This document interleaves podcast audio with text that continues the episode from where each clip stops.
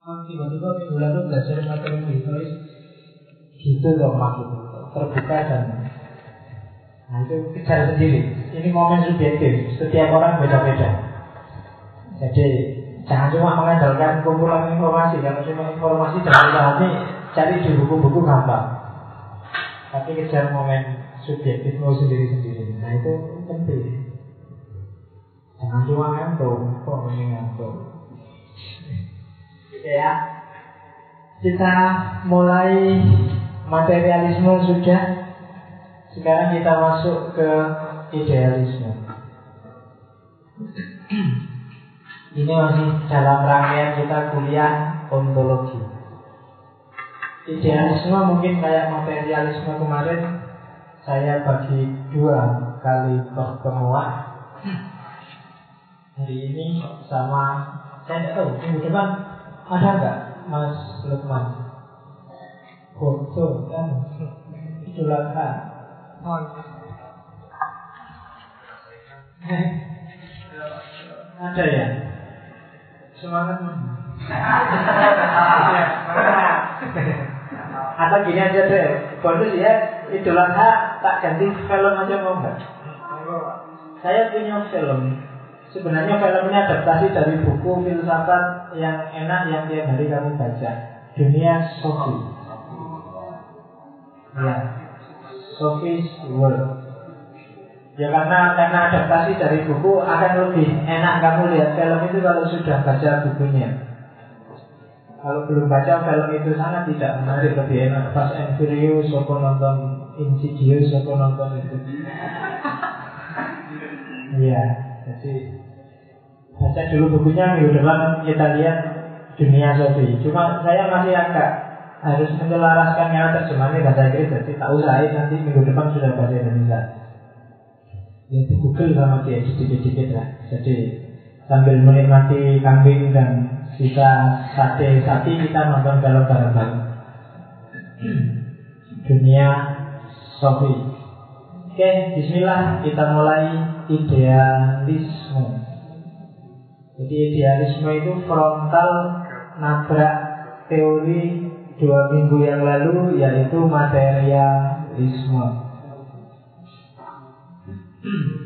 Asal kata idealisme yaitu idealismos dari bahasa Yunani dari kata dasar idea yaitu sesuatu yang hadir dalam jiwa. Ide itu kan sesuatu yang hadir tampil dalam dirimu. Itu ide. Aku merasakan sesuatu dalam diriku. Nah itu ide yang namanya.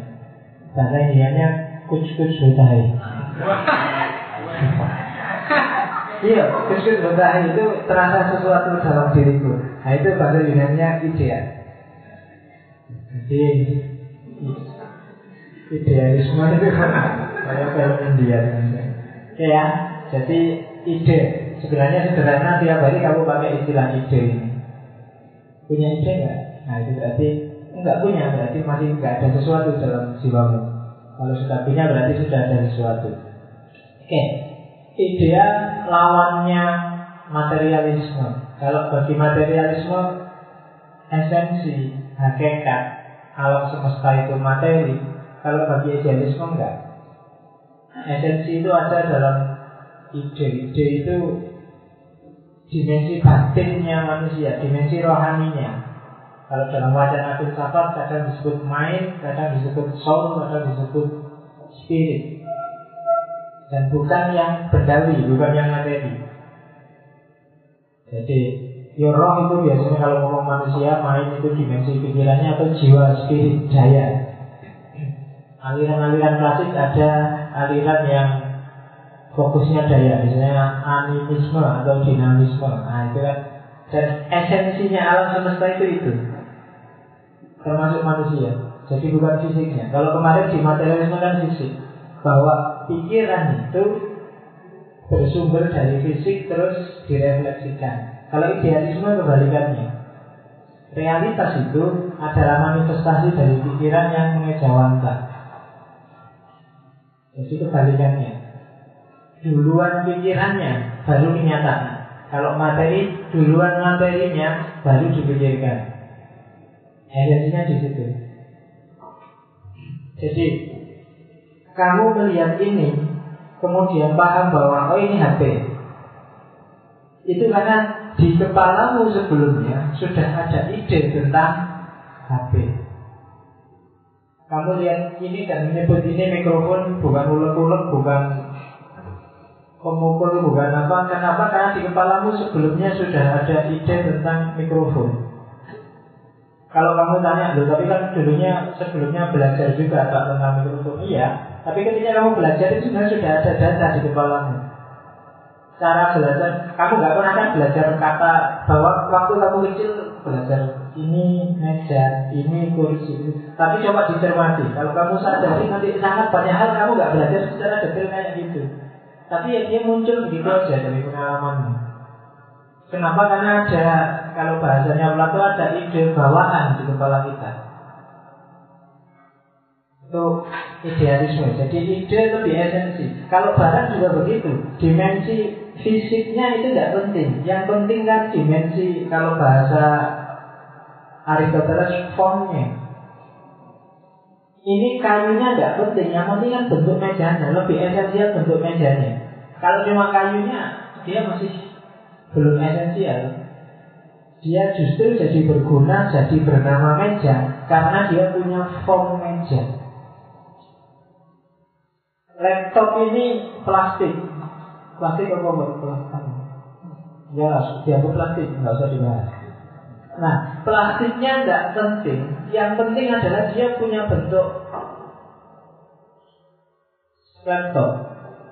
Manusia itu daging, kulit, tulangnya itu tidak esensial. Bahwa dia penting berguna ya. Tapi yang justru esensial itu rohnya, spiritnya, mainnya. Kalau tidak percaya, secakap apa pun orang kalau sudah ditinggalkan roh, ditinggalkan main, ditinggalkan spirit, kamu nggak akan berani sulit-sulit. Ya kan? Ya coba ada jenazah cewek cakep terus sulit kan ya. Sudah nggak menarik lagi. Kenapa? Kehilangan yang esensial. Jadi fisik tidak penting. Apa pun itu justru yang lebih penting adalah yang ada di balik itu dan justru maknanya datang dari itu. Nah, itu pengertian awalnya idealisme. Nanti kita jelajahi ke belakang. Nama lainnya ini terjemahan dalam bahasa Indonesia orang biasanya menyebut serba ruh. Apa ya? Serba ruh, serba jiwa, serba semangat, serba spirit. Terjemahannya begitu. Kalau kamu ingin jadi orang Indonesia yang baik, misalnya masuk pakai istilah idealisme ke barat-baratan ya pakai aja istilah serba ruh nah, oke okay.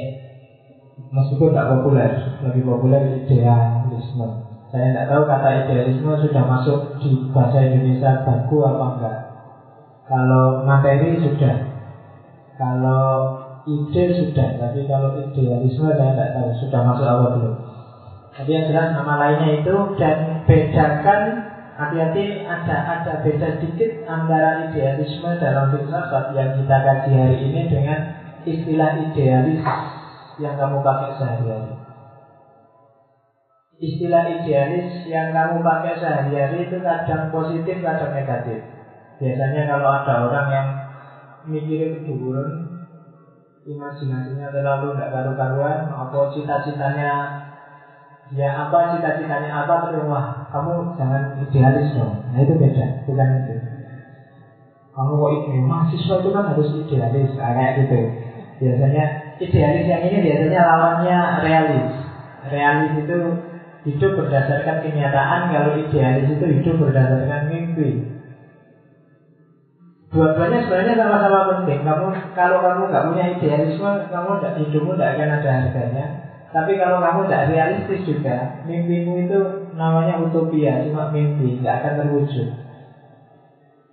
Kalau misalnya kamu kerja dan gajimu satu bulan 200 ribu, ya jangan mimpi bisa beli Alphard dalam waktu satu tahun. Idealisme saya Pak Alphard Pak, satu tahun. Gajimu biro sebulan, bisa ngoni takmir 150 ribu Pak.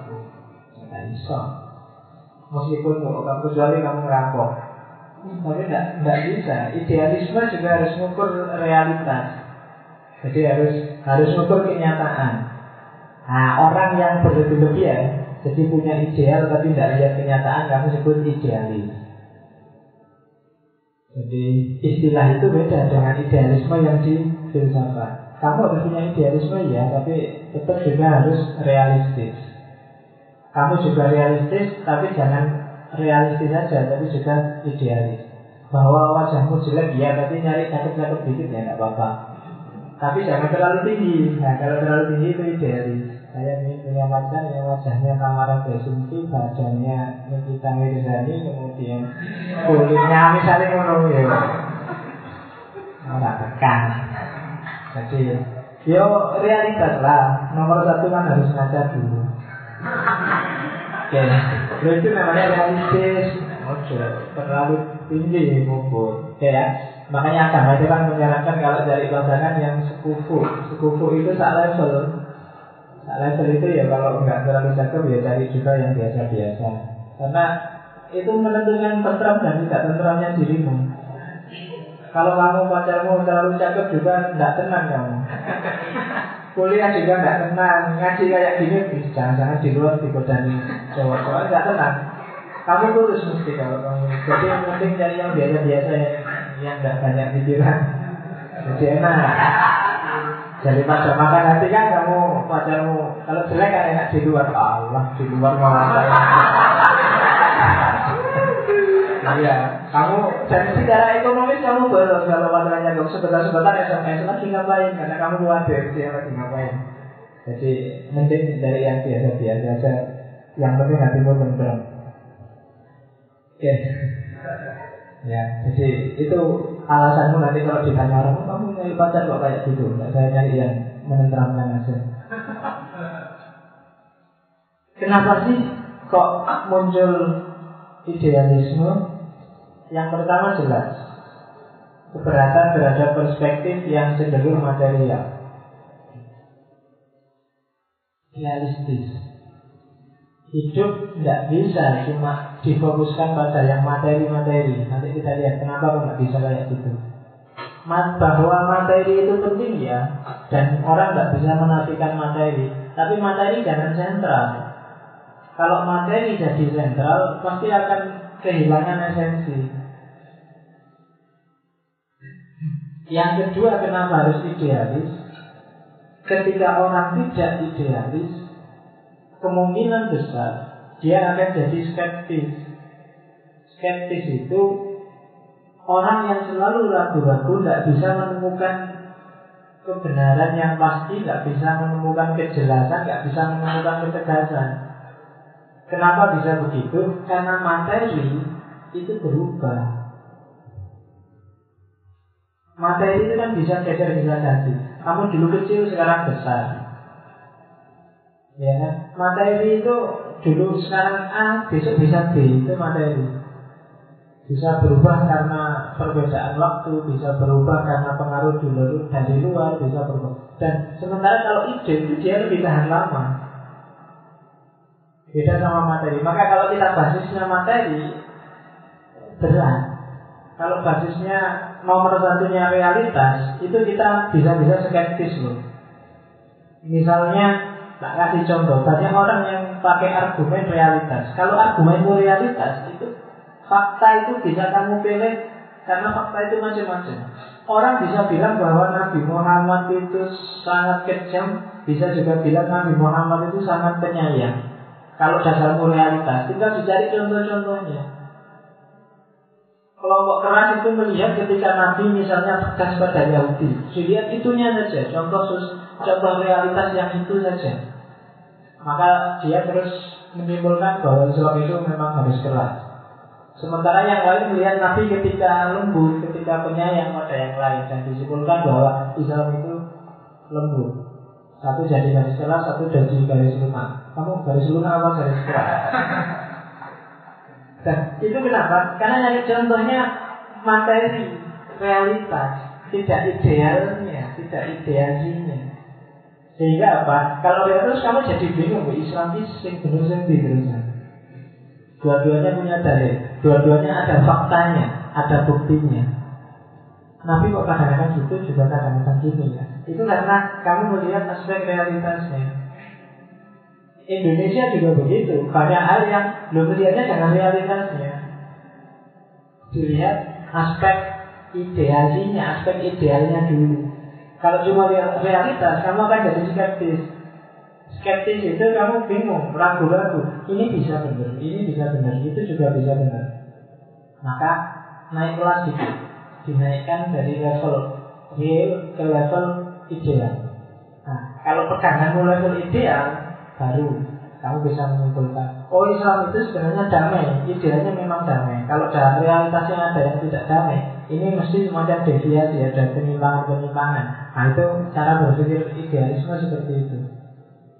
Saya ideal saya cari yang cakep luar biasa. Bahwa kok dapatnya yang cuma kayak gitu ya itu kan berarti ada deviasi dalam realitas tapi tidak apa-apa idealnya ke sana. Caranya kan gitu. Jadi pedomannya jangan jangan realitasnya. Ketika itu realitas dia berubah-ubah. Kalau kamu fisik, kamu mesti bingung loh nyari pacar. Kenapa? Ini cakep. Ini sana juga cakep loh. Sini juga. Besok hari itu berubah. Yang cakep besok jadi nggak cakep lagi. Dan kamu karena kemarin dasarnya materi, ya itu sudah ah dulu cakep sekarang enggak. Dulu langsung sekarang gendut. Dulu Nah, selalu begitu. Karena apa? Karena materi basisnya. Jadi kalau punya pacar tanyain dulu, kamu suka padaku dasarnya apa dulu? Kalau dasarnya materi, aku berubah besok. Sekarang mulus besok keriput. Sekarang langsing besok aku gendut. Nah kan gitu. Kalau masih mau ayo, kalau enggak sekarang cari yang lebih ideal kan gitu caranya. Jadi why idealisme? Kenapa harus idealisme? Jadi enaknya filsafat kan begitu. Filsafat itu melihat realitas dari banyak persepsi. Kemarin secara materialisme kemarin mungkin waktu kamu kita ngaji materialisme kan iya ya kayaknya benar materi itu. Eh, begitu sekarang geser ke idealisme, iya ya pak, ini lebih bagus idealisme. Semangat bahwa besok sampai mana diikuti aja nanti kita simpulkan sendiri. Dunia intelektual kayak gitu. Ghazali kayak kamu kota pamping mengejar mana yang paling terus ketemunya malah di Sufi terakhir. Nah, nanti saya ada juga movie tentang The Alchemy of, Happiness. Jadi kimia ada semi dokumenter tentang Ghazali. Nanti kalau ada waktu kita lihat bagaimana pengembaraan intelektual seorang Ghazali. Oke, dilanjutkan. Sekarang kita lihat asumsi-asumsinya idealisme. Asumsi yang pertama dalam idealisme manusia adalah makhluk spiritual. Jadi spiritual itu saya tidak tahu kalau di Indonesia istilah spiritual mesti sambungannya sama paranormal, sambungannya sama yang klenik-klenik sambungannya sama. Iya.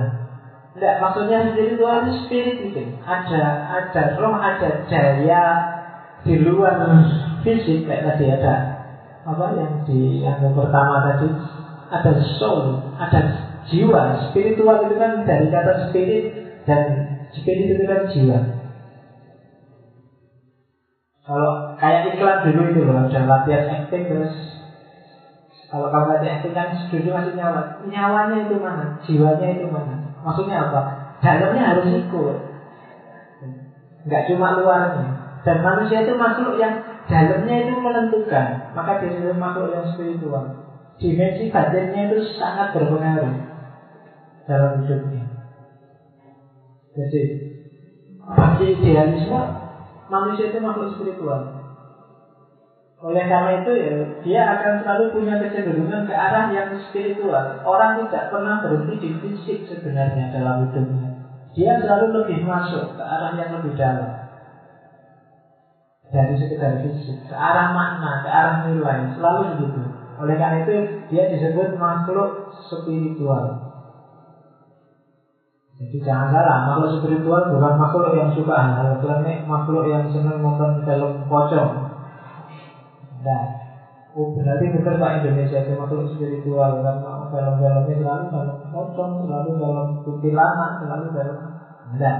Maksudnya spiritual itu manusia ada dimensi dalamnya dan dimensi dalam, dimensi batin itu influensial dia menentukan lebih penting dibandingkan dimensi materinya. Jangan menyerah hanya karena lemah di materi. Karena kamu punya kekayaan batin yang luar biasa, punya daya potensi jiwa yang luar biasa. Itu kelebihannya manusia. Kalau kamu lihat motivator-motivator itu kan biasanya diserang ini dimensi spiritualnya. Kalau fisik simple, fisik itu memeliharanya lebih gampang, lebih simple. Kamu olahraga, kamu makan yang sehat itu sudah simpel. Tapi kalau spiritual harus diperhatikan. Dan dia influensial. Orang bisa fisiknya sakit tapi batinnya senang, tapi kebalikannya agak rumit. Orang yang batinnya susah, fisiknya biasanya juga tidak. Kalau kamu patah hati kan lemes kamu. Diajak ngomong tenang, ayo makan enak tak praktis. Enggak, enggak, enggak konsentrasi. Ya kan? Kebalikannya kadang-kadang badanmu sakit tapi kalau pas batinnya senang juga lagi malas pacarnya datang, yuk jalan-jalan yuk, ayo. Padahal kamu lemah. Jadi katanya idealisme enggak. Dimensi batin lebih influensial, lebih berpengaruh. Jadi kalau ada jargon mensana in corporisano bahwa jiwa yang sehat terdapat dalam badan yang sehat itu kuali katanya idealisme. Harusnya badan yang sehat terdapat dalam jiwa yang sehat. Orang gila itu badannya sehat, kekar, luar biasa. Tapi gendeng. Ya kan, jiwanya nggak sehat, nggak waras. Orang ngomong ke mana, dia ngomong ke mana. Ketawa-ketawa sendiri tidak jelas. Dan bagi kamu kan degradasi, itu kan kayak manusia tapi setengah. Bahkan bukan kayak manusia karena dimensi batinnya sudah rusak perilakunya juga mungkin agak mirip-mirip dalam tanda petik binatang. Dia nggak mikir etika, nggak mikir adat, pokoknya gimana caranya masih tetap bisa hidup.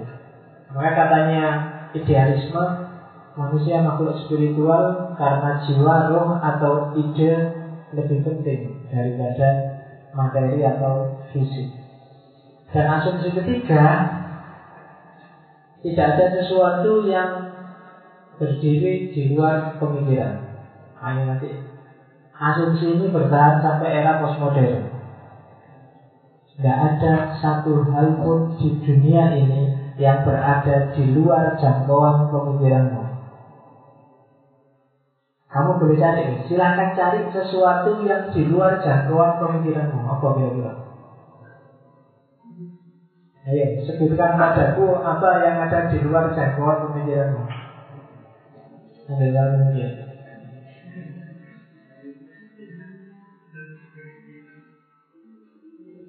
Tidak ada. Begitu kamu sebut, ya berarti sudah ada begini Jadi nggak ada sesuatu yang di luar dunia pemikiran itu nggak ada. Semua hal itu berada dalam lingkup pemikirannya. Oke, bahkan nanti selanjutnya di aliran-aliran idealisme yang kita sebut belakangan bahkan keberadaan benda fisik itu tergantung di pikiran. Begitu dia nggak ada di pikiran, akan disebut itu tidak eksis. Tidak eksis berarti tidak ada. Kita lihat selanjutnya. Oke, sekarang dasarnya. Kalau tadi asumsinya, sekarang kita lihat dasar berpikirnya. Saya pelan-pelan, hari ini tak kasih dasarnya sama belakang nanti tak kasih Plato.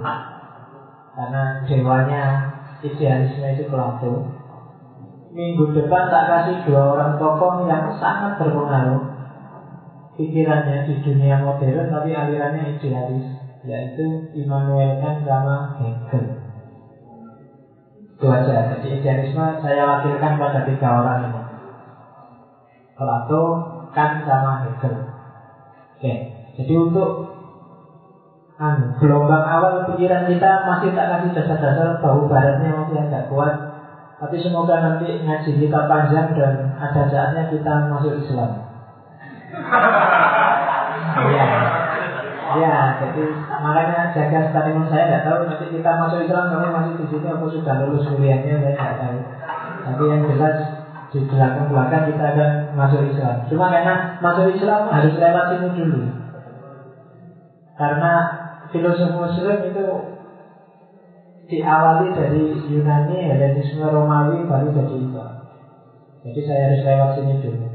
Cuma kenapa harus ada Kant, Hegel dan filosofi modern termasuk empat kayak kemarin ya konsekuensi tema karena kita masuk ranah ontologis dan di dunia ontologis ada ide-ide ini dan ide-ide ini memuncak di tokoh-tokoh filosof barat. Apa nggak ada di Islam ada, cuma kan harus melewati Yunani Romawi dulu. Jadi pokoknya saya ngaturnya kayak gini lah, kamu manut aja. Ya, jadi dasarnya idealisme yang pertama adalah hakikat itu ada dalam jiwa atau atau ide. Materi cuma bungkusnya. Jadi fisikmu itu cuma casing. Jangan jangan sumpah dengan casing. Casing itu bisa ganti-ganti. Makanya orang Buddha, orang Hindu, beberapa aliran dalam Islam setuju dengan ide reinkarnasi. Reinkarnasi itu bahwa nanti kalau kita meninggal dan jiwa kita belum layak untuk ketemu Allah karena yang layak ketemu Allah itu kan nafsu mutmainah kalau kita belum nafsu mutmainah kan nggak bisa kembali ke Allah maka dia akan lari kembali. Itu ide reinkarnasi. Itu kayak gini asumsinya. Jadi bahwa karena memang badan itu cuma casing fisik itu cuma casingnya. Dia bisa mati bisa hancur tapi kan isinya lebih penting rohmu itu fisiknya bisa mati tapi kan dia ada. Nggak pernah ada orang bilang rohnya yang mati tapi mesti jasadnya. Karena cuma casing, maka hanya orang yang tidak pinter yang sumpah dengan casing. Kamu nggak perlu stres karena rambutmu keriting maupun karena kulitmu hitam. Itu cuma casing. Lebih penting dalamnya. Banyak orang yang kulitnya hitam tapi hatinya jauh lebih hitam. ya. Ya yang hatinya putih juga banyak. Tapi itu itu lenceng jadi kamu nggak perlu menghabiskan uang banyak-banyak untuk beli putih nggak perlu menghabiskan uang banyak untuk ke salon bonding itu lenceng jadi kalau ada lawan jenismu nolak kamu hanya gara-gara kamu jelek bilang aja kamu bodoh kamu tertipu oleh casing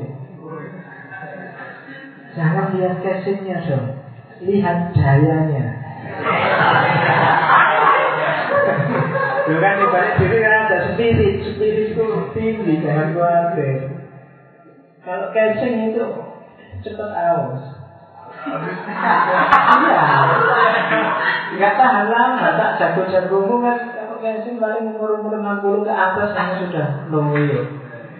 Tapi kalau spirit kan enggak semangat. Pamerkanlah semangatmu, jangan pamer casing. Karena casingmu nggak bisa dipamerkan. Oke. Okay. Yang kedua, dasarnya idealisme, dunia ide itu lebih pasti dibandingkan dunia materi. Tadi sudah tak singgung. Ide itu sifatnya lebih utuh dan tahan lama. Kalau materi dia bisa berubah-ubah. Materi itu berubah kayak di bawahnya tidak stabil, tidak pasti. Ya. Kemarin hitam dikasih pemutih besok jadi putih. Kemarin keriting direkonjuk jadi lurus. Itu materi. Tapi kalau hijau enggak. Kalau orang suka padamu karena materimu, karena casingmu, karena fisikmu, dia tidak akan tahan lama. Tapi kalau karena saya suka kamu karena kamu itu orangnya ramah, itu ramah ini lebih tahan lama daripada kalau karena kamu jatuh. Orang ramah sama itu Karena itu kualitas yang sifatnya ideal. Kualitas internal, kualitas dalam. Kemudian Nah, karena materi itu berubah Dan ide sifatnya lebih pasti Dua karakter ini ketemu dengan fitrahnya manusia Bahwa manusia itu Secara umum lebih cenderung pada yang abadi, yang hakiki. Manusia tidak suka yang temporer-temporer. Manusia tidak suka yang sementara. Maka katanya kelompok idealisme yang lebih cocok untuk manusia adalah ya yang ideal itu. Begitu manusia berhenti di materi, dia akan terasing dari dirinya. Kenapa? Karena dia berhenti pada yang berubah-ubah.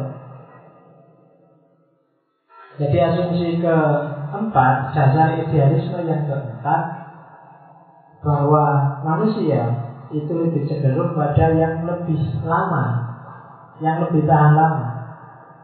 Dan itu kalau bagi idealisme itu fitrah. Yang sementara-sementara itu pasti level dan nilainya lebih rendah daripada yang abadi. Kawin sementara dengan kawin untuk selamanya itu kan levelnya beda.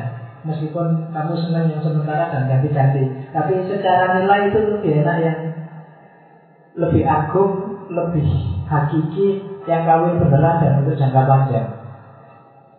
Bukan yang temporer. Apa saja?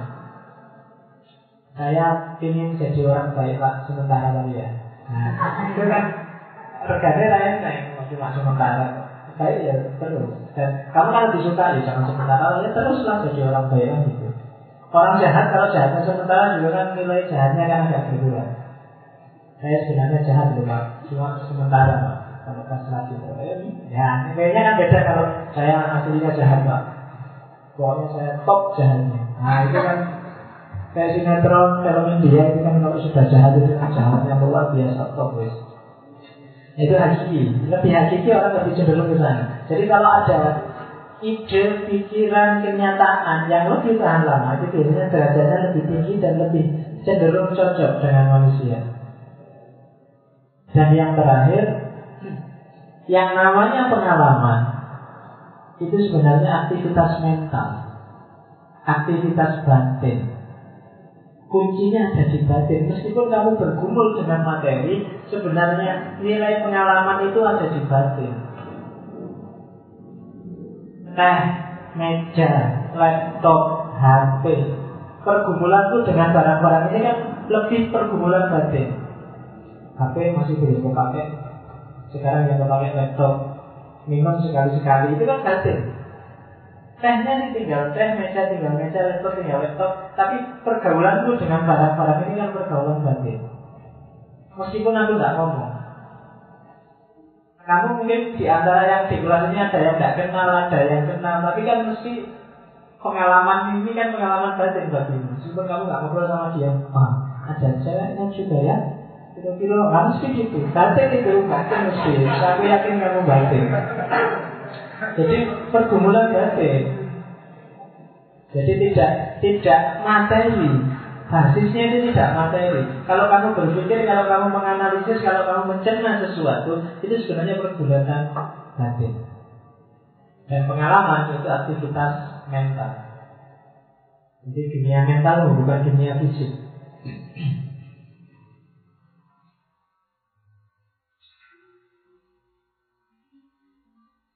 Oke. Selanjutnya. Cara berpikirnya gimana sih idealisme itu? Modelnya jelas, deduksi. Saya nggak perlu jelaskan deduksi apa. Dulu di pertemuan beberapa itu sudah panjang lebar saya menjelaskan deduksi. Cuma polanya adalah polanya idealisme adalah sebagian itu mewakili keseluruhan. yang namanya ide itu kan kamu mikir sebagiannya dan menyimpulkan keseluruhannya. Itu ide. Kalau berpikir materi kan harus kamu lihat satu-satu dulu karena sifatnya induksi. Tapi karena ini deduksi maka sebagian dianggap mewakili seluruhnya. Misalnya ada kamu ingin teliti kayak gimana sih rasanya ngaji filsafat itu, kamu datang dua kali dan menyimpulkan ngaji filsafat itu ternyata ngantuk dua kali dan menyimpulkan kayak gitu. Kamu kan nggak perlu meneliti semuanya. Dari dua kali itu kamu anggap oh ya berarti itu ide kan selalu begitu pemahaman selalu begitu. Dari melihat satu dua tiga orang Indonesia kemudian kamu simpulkan oh orang Indonesia sekarang ngapain jadi cara berpikir selalu begitu jadi Karena kalau mau model materialisme yang induktif, kayak David Hume, kayak tokoh-tokoh empirisis, berat. Tidak mungkin kamu berpikir secara induksi. Induksi itu berarti ditanya satu-satu dan lengkap terus disimpulkan, tidak bisa. Karena dunia ini sangat luas dan kompleks. Maka diasumsikan oleh idealisme sebagian itu mewakili keseluruhan. Jadi cara berpikir yang makro itu diwakili oleh mikro. Kalau aku ketemu kamu tiga hari dan ternyata isinya musuh-musuh, maka tak simpulkan kamu adalah orang pemarah. Sebenarnya nggak perlu aku harus ketemu kamu tiap hari. Jadi sebagian mewakili keseluruhan. Saya lupa kalau dalam bahasa Indonesia itu istilahnya apa ya? yang ahli bahasa Indonesia silakan nyari sendiri. Bahasa Indonesia itu jelek. Mesti kecampuran Jawa itu enggak seru. Padahal dulu zaman saya awal jadi dosen itu ujian berat itu adalah terpaksa ngajar bahasa Indonesia. Itu yang bikin di antara mata kuliah yang paling berat aku rasakan dalam ngajar itu bahasa Indonesia. Susahnya karena saya kalau ngomong biasanya mesti kecampuran bahasa Jawa. Itu yang bikin mahasiswanya komplain. Jadi akhirnya saya menyerah tidak bahasa Indonesia juga tidak apa-apa lah. Orang Indonesia kan sekarang gitu. Bahasa Indonesia juga setengah, bahasa daerahnya juga setengah. Jadi kalau ngomong disuruh ujian bahasa Jawa juga nilainya jelek, ujian bahasa Indonesia juga jelek. Jadi campuran, ngomongnya tidak karu-karuan. Selanjutnya lagi. Bukti paling nyata dari idealisme Jadi kalau ada tanya Apa buktinya bahwa idealisme itu fungsional operatif dalam kehidupan? Yang jelas fenomena nilai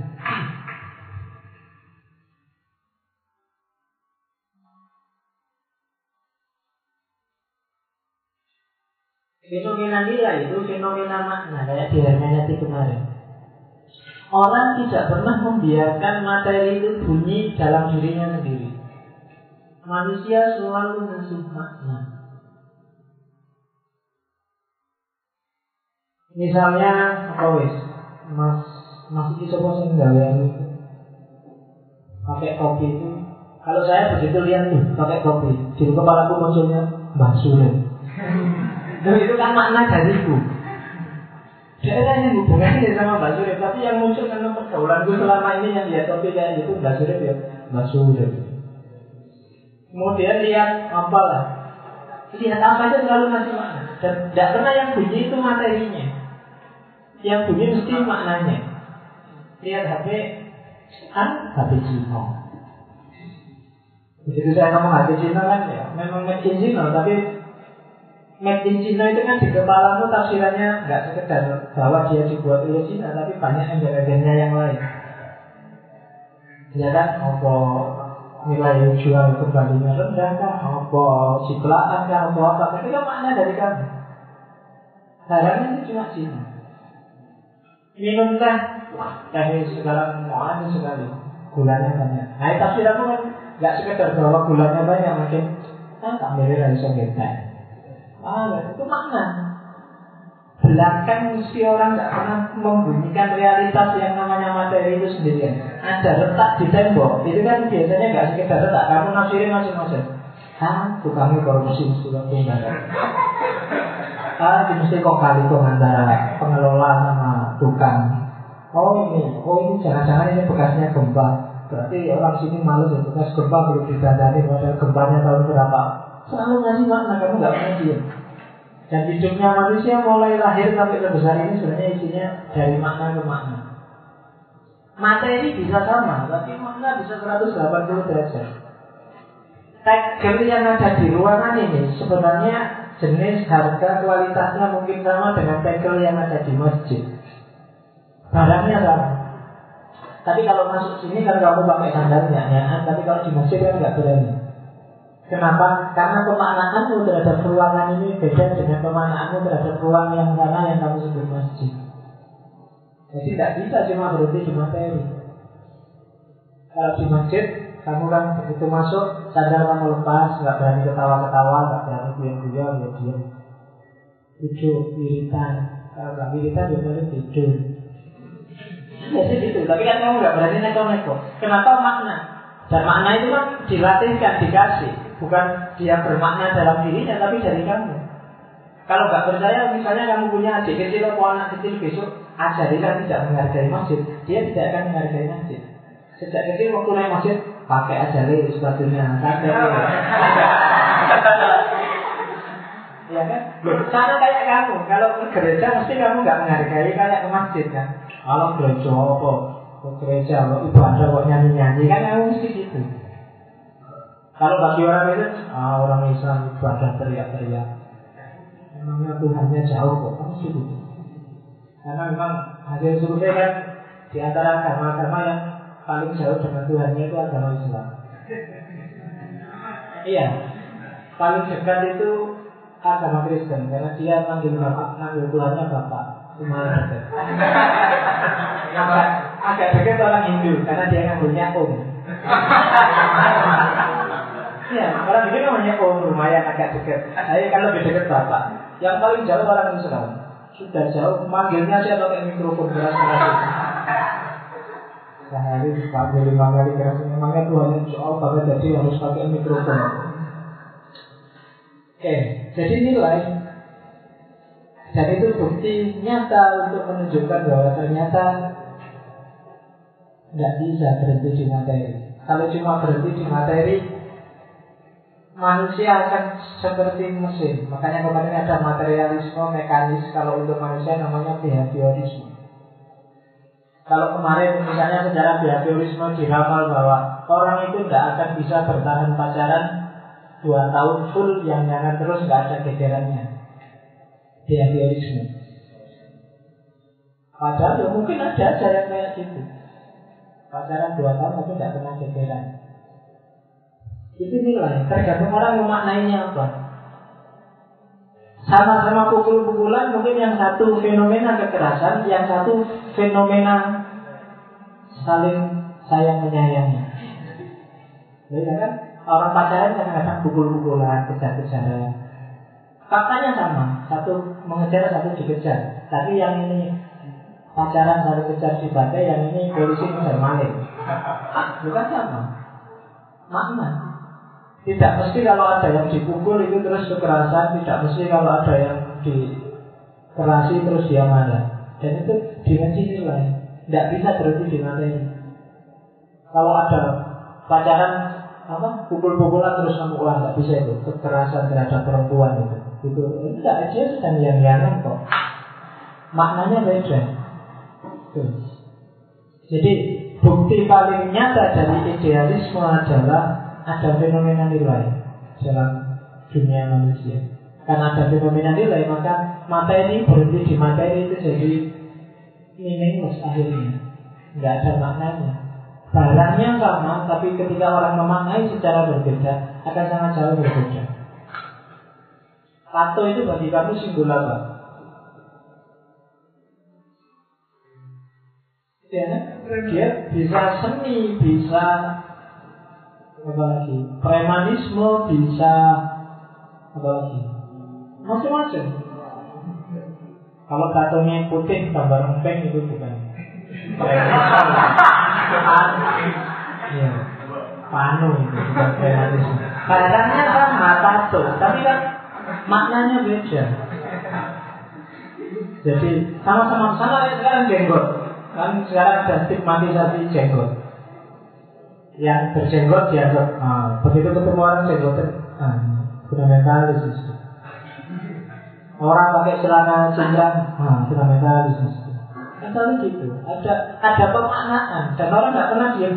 Kenapa dia berjenggot? Ya jenggotnya tumbuh kan nggak kalau kamu jangan jawab kayak gitu itu.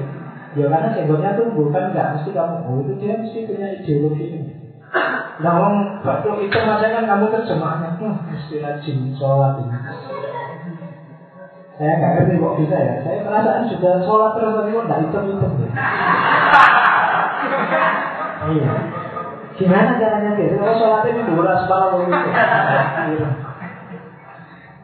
nggak ngerti kok bisa ya orang-orang itu itu. Ada yang itu. Saya dikasih tipsnya dan Iya lah, kan atau alim Jenggot sudah gitu kan Cuma ini kita lagi makna. Seperti kita bilang minggu lalu kan Lalu yang namanya kalimat aja jenggot kan. Masa kalimat itu Wah kalimat ini ikut sunnah nabi kan Iya Itu makna. Selanjutnya ada ada sedikit beda ini dalam sejarah cuma antara idealisme barat sama idealisme mana eh, idealisme timur. Kalau idealisme barat sifatnya fisikal kayak tadi segala sesuatu itu nyata kalau dia bisa dipahami kalau tidak bisa dipahami berarti dia tidak nyata tidak ada, tidak eksis, tidak real. Itu idealisme tadi. Jadi kuncinya apa ada dipahaminya? Bisa dipahami apa enggak? Kalau bisa, berarti dia real. Kalau nggak bisa, berarti dia tidak nyata. Kalau ada dosen kok menjelaskan bulat, mahasiswanya nggak paham-paham, berarti dia dosen yang tidak nyata. Nah, nggak bisa dipahami ngomongnya bahwa diomongkan berarti nggak jelas, nggak nyata. Di analoginya ke sana. Dan apa sih yang membuat dia bisa dipahami formnya? Ini kayu baratnya. Kamu kan nggak bisa memahami dari kayunya, tapi kamu memahami dari form mejanya, dari bentuk mejanya.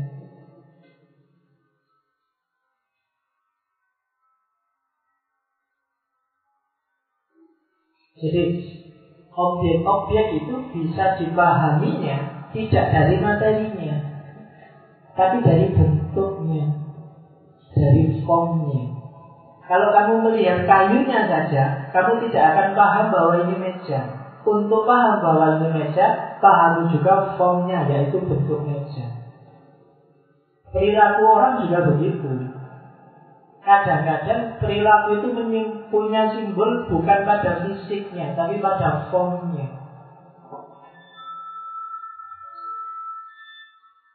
Kalau aku garuk-garuk kayak gini, fisiknya garuk-garuk, tapi di balik ini kan ada form. Garuk-garuk ini konteksnya apa? Itulah formnya. Misalnya aku garuk-garuk karena tidak keramas seminggu misalnya konteksnya, maka garuk-garuk ini kan maknanya gatel. Tapi kalau aku garuk-garuknya karena sudah jelasin sejak tadi kamu kok melongo aja nggak paham-paham, itu kan garuk-garuknya karena mungkin jengkel atau sedih atau kok nggak paham-paham ya. Bentuknya sama atau fisiknya sama, tapi karena form konteks yang berbeda, makna garuk-garuk itu jadi beda. Jempol itu bisa top, bisa juga melecehkan. Tergantung konteksnya. Nggak mesti jempol itu bagus. Tergantung formnya. Kalau ada anak rajin, Pak saya masuk terus Pak semester ini. Sip, lulus kamu. Pak, saya 14 kali pertemuan tidak masuk 13 kali. Sip, sip, sip. Ekspresinya bodoh. Tapi yo, yang pertama muji, yang kedua aduh, sip, sip. Ya? Bentuknya apa fisiknya sama, tapi karena form yang berbeda, maknanya bisa 180 derajat. Hmm. Dulu saya tidak tahu yang dari tengah diangkat itu kan artinya jelek. Tapi kamu ngerti ini era tahun berapa? Mungkin zaman saya kecil ini masih belum berarti jelek. Tapi hanya mungkin pengaruh barat atau bapak.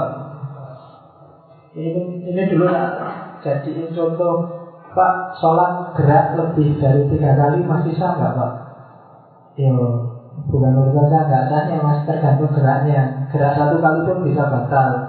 Misalnya kamu dari sholat tiba-tiba gini itu gerakmu sih sholatnya batal. Jadi, kalau aku dosen tulis apa ditakoni begini. Dia aku jawab ya, dan apa pak dasarnya kok geraknya harus tiga kali itu malah nggak harus tiga kali, mas sekali aja bisa batal kalau sekalinya gini. eh, jadi pemahaman yang dituju dalam sebuah pemahaman itu bukan materi tapi formnya. Kalau di timur, kenapa idealisme timur? Karena di timur itu biasanya yang disebut pemikiran, pemahaman itu sebenarnya sensasi yang ada dalam pikiran. Objek itu tergantung pikiran. Ada tidaknya dia pikiran yang menentukan. Mimpi itu nggak nyata jelas, tapi pada saat kamu mimpi rasanya nyata. Kenapa? Karena pikiran bilang bahwa itu nyata. Jadi idealisme timur bangunannya kayak begitu. Aku nggak pernah kan waktu mimpi, ala ini mimpi, nggak apa-apa kan nggak pernah gitu. Karena pikiranmu nggak bilang gitu. Pikiranmu bilang itu nyata, maka jadilah nyata. Dalam hidup saya ini juga begitu. Ada tidaknya sesuatu tergantung pikiranmu. Pikiranmu bilang ada nggak? Kalau pikiran bilang ada, ada. Kalau pikiran bilang enggak, enggak ada. Jadi objek tergantung persepsi. Nah, lanjutin. Nanti ada banyak di belakang. Tokoh kuncinya itu yang paling terkenal sebenarnya banyak. Ada Agustinus, ada Berkeley, ada Schelling, ada Karl Jasper, ada hampir semua filosof modern awal itu termasuk idealis. Cuma yang paling populer dan sangat merubah sejarah empat orang itu.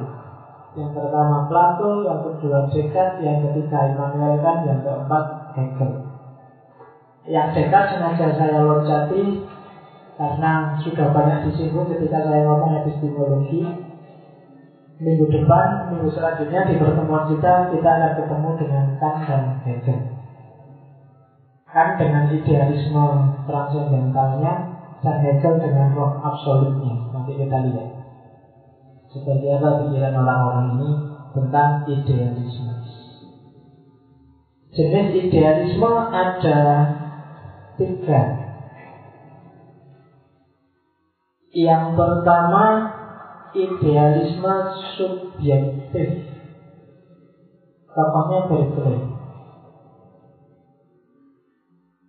Jadi kayak tadi idealisme subjektifnya Berkeley ini kayak idealisme timur bahwa ada atau tidak adanya sesuatu itu tidak tergantung objeknya tapi tergantung persepsi orang. Jargonnya ini is expressivity. To be is to be perceived. Untuk jadi sesuatu berarti ya untuk dipahami, untuk diresepsi, untuk diakses. Jadi ada tidaknya sesuatu itu tergantung pikiran. Tak kasih contoh. Seandainya orang sedunia tidak tahu bahwa ada candi besar namanya Candi Borobudur, itu Candi Borobudur ada nggak? Yo, ada nggak? Nggak ada orang sedunia tahu loh ya. Yo, sekarang paling kamu bilang, yo ada pak, hanya kita belum tahu. Lo kamu bilang itu karena kamu sudah tahu. Ini orang sedunia satu pun nggak ada yang tahu loh. Nah, itu maunya dari sini. Dia tidak ada. Di bawah ruang kelas ini ada candi besar, namanya Candi Yasir misalnya. Loh, contoh kok. Lo kamu kan bilang nggak ada pak ngapain itu cuma gurauan. Lo kamu bilang tidak karena kamu belum tahu. Coba digali. Nanti karena saya kecil-kecil di bawah. Oke, jadi eksistensi sesuatu itu tergantung persepsi. Real tidaknya sesuatu tergantung dipahami orang apa enggak. Kalau orang belum paham satu pun, dia tidak ada. Itu idealisme subjektif. Ada lagi itu nulisnya memang ketemu idealisme terlalu semangat. Jadi idealisme objektif itu nanti yang punya teori Plato jadi ada ide di luar ide yang ada di kepalamu yang dia sifatnya objektif universal. Jadi ada satu bagian dunia lain yang sifatnya ideal yang itu nanti jadi jujukannya pikiranmu kalau mikir tentang sesuatu. Dari objektif. Jadi ini nanti dari objektif itu yang punya Plato dan diwarisi secara luar biasa oleh para sufi. Jadi ada dunia ide yang ini sifatnya ideal, sempurna, abadi. Yang dulu akal kita itu ada di sana bergaul dengan yang ideal-ideal itu. Sekarang turun ke bumi. Nah, cara kita untuk memahami realitas di luar dunia ide yang abadi dan di luar pikiran kita adalah dengan cara melihat ke dunia yang abadi itu. Jadi di dunia ideal itu, di situ ada banyak sekali hal-hal yang di dunia nyata ini ada. Cuma di dunia ideal dia dalam bentuk yang sempurna. Nanti di Plato akan lebih jelas. Jadi kalau bahasa agama mungkin semacam ketika Adam mau dibuang ke bumi terus wa alama Adam asma akulah dikasih oleh Allah banyak sekali pengetahuan untuk bukan hidup di bumi. Dikasih asma. Jadi ada ide bawaan yang kita bawa dari dunia ideal ketika kita hidup di dunia hari ini. Ide bawaan ini tentang apa saja sebenarnya? Karena di dunia ideal itu apa saja juga ada. Kalau kita lihat kuda, kita tinggal bayangin di kepala apa sih itu namanya oh itu kuda. Dulu pernah ada. Cara berpikir itu seperti itu, rekoleksi. Jadi bahannya pikiran itu tidak dari materi, tapi dari ide. Materi itu cuma representasinya, perwujudannya. Bahkan ada filosof yang bilang namanya Oswald bahwa materi itu tidak ada. Materi itu hanya energi yang bergerak melambat. Jadi semakin dia lambat, semakin dia mengkristal jadi materi. Dia atom-atom yang melambat. Kayak meja ini mungkin kenapa kok dia nggak bisa gerak sendiri? Mungkin kerapatan energi dan kelambatannya sangat rendah sehingga kenapa manusia bisa ya karena mungkin agak tinggi sedikit. Kenapa kok kita nanti kalau secara nih, kenapa kok kita nggak bisa lihat chip? Karena mungkin chip energi gerakannya lebih cepat dibandingkan molekul-molekul kita yang gerakannya lebih rendah. Nah itu teorinya Oswald. Jadi malah materi itu malah tidak ada kalau di Oswald. Materi itu ya energi. Cuma energi yang lambat. Nah, nah idealisme objektifnya Plato bilang bahwa ada dunia ideal yang dari sana kita dapat banyak ide bawaan yang ide bawaan ini kita pakai untuk memahami dunia nyata itu namanya idealisme objektif nanti kita lihat lebih dalam di Plato. Yang ketiga yang terakhir ada namanya idealisme personalistik.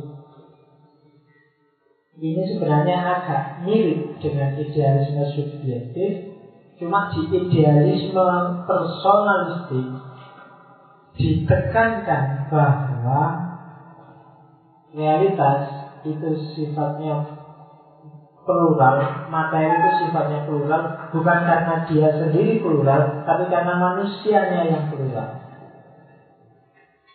Jadi alam itu tidak mandiri, alam itu tergantung interpretasi person. Itu idealisme personalisme. Seperti apa bunyinya alam, seperti apa bunyinya lingkungan, itu sebenarnya tergantung person. Jadi alam itu secara objektif ada aturannya, ada tatanannya, ada polanya. Tapi begitu manusia masuk, dia bisa ditafsirkan secara berbeda oleh manusia. air yang habis misalnya. Oh itu kan faktanya memang air yang habis. Tapi manusia yang masuk dia bisa ngasih makna yang macam-macam. Seperti kita jelaskan di perut nilai Air habis banyak dengan komoditas. Aku bisa impor air tak jual jadi itu. Maknanya bisa jadi berubah-ubah. Krisis ekonomi, kayak misalnya lumpur lapindo itu, kamu kan melihat berita palingnya aja. Saya punya banyak teman yang senang gara-gara lumpur lapindo. Dia beli rumah nyicil. Belum aja satu tahun, dia harus nyicil 20 tahun. Begitu kena lumpur lapindo, iya, Akhirnya kan berat. Semua biaya, semua rumah dibeli oleh Bantri. Lapindo. Maka dia dapat ganti rugi uang, ganti rugi rumah utuh. Dan dengan itu dia bisa ketawa-ketawa punya uang banyak. Ya kan, semula dia masih nunggu 20 tahun untuk melunasi rumah, sekarang bisa langsung dilunasi dan beli rumah baru. Fenomena Alamnya bilang ini bencana ini, ada ketidakseimbangan, tapi manusia bisa menafsirkan secara berbeda. Tetanggaku masih sudah bau-bau famili jauh dari Sidoarjo sekarang bisa punya minimarket. Gara-gara uang ganti rugi. Yo yang stres juga banyak, yang sedih juga banyak, cuma yang senang juga banyak. Dan itu apa? Manusia masing-masing bisa mereka daya, bisa menafsir, bisa memanipulasi, bisa mengatur ulang, bisa dan itu namanya idealisme personalistik. Kekuasaan manusia atas alam dan kekuasaan manusia itu interpretasi alam. Dan hakikatnya alam ternyata tidak ada di alam itu sendiri, tapi tergantung pada sejauh mana level kesadarannya manusia. Nah itu idealisme personalistik. Sekarang kita masuk ke orang ini Plato karena dialah simbahnya idealisme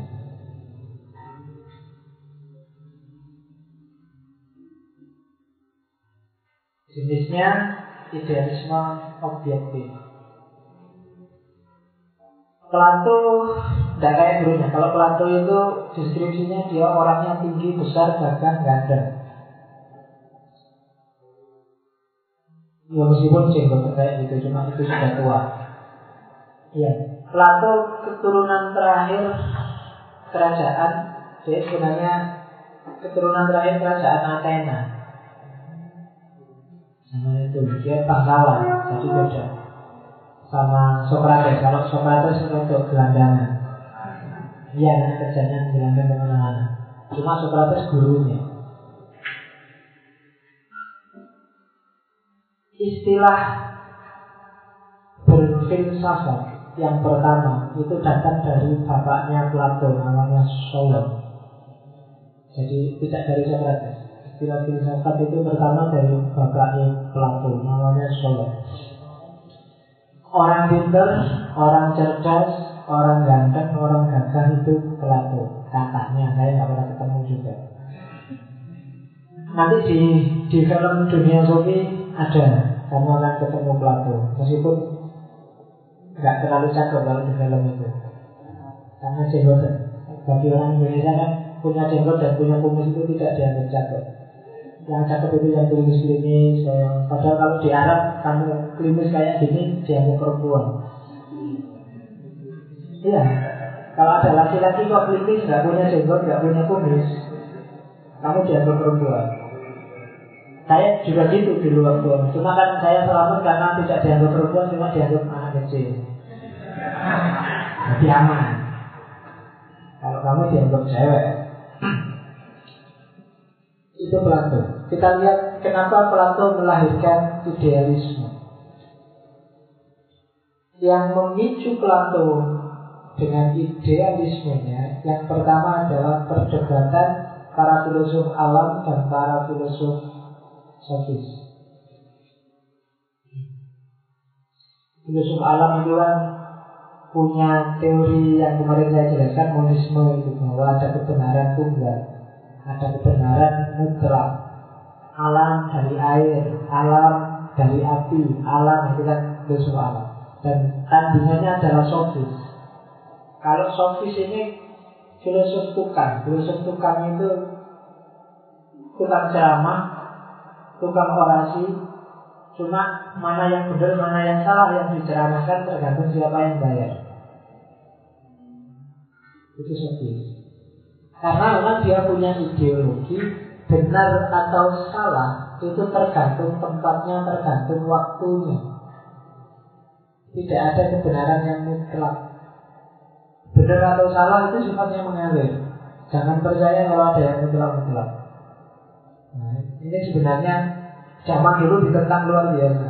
Sebenarnya tidak salah, cuma dia melihat yang parsial yang keliru disimpulkan untuk seluruhnya dan karena parsialnya keliru, kronis mayornya keliru, yang minornya keliru juga. Kesimpulannya sudah keliru. Tapi tidak sepenuhnya salah pikirannya Sofi. Karena kebenaran memang tergantung ruang dan waktunya. Tapi kemudian disimpulkan tidak ada kebenaran mutlak, itu yang secara logis disebut meloncat. Bahwa kebenaran tergantung ruang dan waktunya kan iya. Misalnya meraktir teman itu baik atau beliin makanan teman itu baik. Tapi kalau ruang dan waktunya nggak pas kan kadang-kadang jadi kebalikannya. Misalnya kamu biasanya traktir burjo terus jam 3 malam kamu ke kamarnya temanmu, ayo makan burjo bareng-bareng. Nah, itu kan baik, tapi kan malah hasilnya jadi ganggu. Dan nanti ada filosof yang bilang Salah itu keliru itu tidak ada. Salah dan keliru itu hanya sesuatu yang tidak tepat ruang dan waktunya. Laki-laki dan perempuan itu tidur bersama boleh, cuma harus pas ruang dan waktunya. Bukan berarti free sex dilarang, dilarang. Tapi free sex wajib kalau sudah nikah. Kamu bebas main seks tak karepmu, tapi ruang dan waktunya harus kamu sudah nikah. Kan gitu. Tidak ada rumah yang mutlak. Kekerasan atas nama agama dilarang. Nah, ya, tapi kadang-kadang harus keras juga. Kalau tidak keras agama susah dia bisa lestari. Yang disebut kekerasan atas nama agama dilarang atau kekerasan yang tidak atas nama agama boleh? Sama aja kan? Jadi kalau ada orang ngomong kekerasan atas nama agama dilarang itu jangan disalahkan. Cuma ngapain ditambahi atas nama agama? Ya pokoknya semua kekerasan dilarang. Tidak ada atas nama agama. Mau atas nama apa aja ya jangan kekerasan lah. Iya. Oke, jadi kebenaran itu adalah sesuatu yang tidak pas ruang dan ini yang dipegangi oleh kaum sofis. Suap itu mungkin karena ruang dan waktunya tidak pas. Dalam konteks tertentu kalau ruang dan waktunya pas mungkin dia halal. Misalnya ngasihnya belakangan setelah semuanya beres, motor mungkin tadi sudah dibantu misalnya. Karena ada yang triknya kayak gitu atau perhitungan-perhitungan apa ruang ruang bahwa korupsinya itu dalam kondisi apa untuk apa pakai uang apa dan seterusnya suap dari bapak ke anak tidak ada urusan dengan uang negara ya tidak apa-apa. Korupsi waktu asal semua sepakat juga tidak apa-apa. Korupsi kan gitu saya selalu telat. Kamu janjiannya masuk setengah delapan, saya ya jam delapan kurang sedikit lah. Eh, tidak apa-apa, asal kamu makluman korupsi itu sebenarnya. Tapi kan tidak apa-apa. Ruang dan waktunya mengizinkan. Dalam banyak hal ruang dan waktu tidak mengizinkan. Maka katanya kaum sofis, tidak ada lah kebenaran mutlak itu. Kawin aja bisa sunnah, bisa wajib, bisa haram, bisa makruh. Sholat aja kadang-kadang haram juga. Sholat haram kan kalau sholat habis subuh kan haram. Sholat habis asar kan haram. Sholat bisa sunnah bisa. Jadi tidak ada sesuai ruang dan waktunya. Kata Imam Maka dia bilang tidak ada kebenaran mutlak. Benar salah itu selalu mengalir. Cuma kalau terus dipersepsikan tidak ada kebenaran mutlak, kamu tidak bisa hidup. masyarakat tidak akan bisa jalan, kamu sendiri akan jadi orang skeptis, nggak punya pedoman. Kalau kamu kayak tadi tergantung terus, kalau ditanya orang, mas, riset boleh nggak? Tergantung. Apa ruang dan waktunya? Tergantung. Oh, iya benar kamu, tapi nanti kamu tidak akan bisa jalan. Maka di titik tertentu kamu harus punya bahwa ini benar dan selalu benar. Khususnya untuk hal-hal yang kualitatif. Bahwa kamu harus menghormati orang tua ya, dan itu universal mutlak. Dalam kondisi apa pun, meskipun ekspresimu cara menghormatinya beda. Beda-beda lokal, beda-beda luar, sesuai dengan konteks. Harus ada nilai-nilai yang dianggap mutlak. Kalau enggak orang nggak bisa hidup. Maka katanya Socrates ada kok aturan yang abadi. Cara mencarinya pakai apa? Pakai akal sehat. Kalau akal kita sehat, pasti akan ketemu mana yang abadi, mana yang mutlak. Jangan cari di realitas. Kenapa tadi kok tergantung? Karena kamu nyarinya di realitas. Nyarinya di ruang dan di waktu. Maka jangan pakai itu, pakai akal sehat. Makanya kalau kamu sudah sumpah orang kok ngeyel debat nyari argumen beda-beda dari realitas tinggal kamu bilang semua semua. Kenapa? Akan sehat sudah kelihatan kok. Mana yang benar, mana yang salah, mana yang pas, mana yang tidak pas. Kalau akal kita sehat akan ketemu semuanya. Cuma banyak orang yang tidak setia dengan akal sehat. Maka katanya Socrates dengan akal sehat kita ketemu normal kita harus menghargai orang tua, yang tua menghargai yang muda. Ini kan normal, nilai. Dan itu akal sehat membenarkan. Dan ini sifatnya mutlak bahwa dalam realitas diekspresikan beda-beda, nah itu urusan lain. Tapi ini kan sifatnya mutlak. Nah, ketika Socrates bilang bahwa ada yang abadi, berangkatlah Plato mencari apa sih yang kalau abadi dalam pandangannya Socrates. Dari situ lahir teori tentang ide. Teori idenya Plato yang nanti jadi idealisme berawal dari asumsi tadi. Meskipun ada sesuatu yang berubah, ada sesuatu yang mengalir di alam semesta ini, tapi pasti ada variabel yang tidak berubah.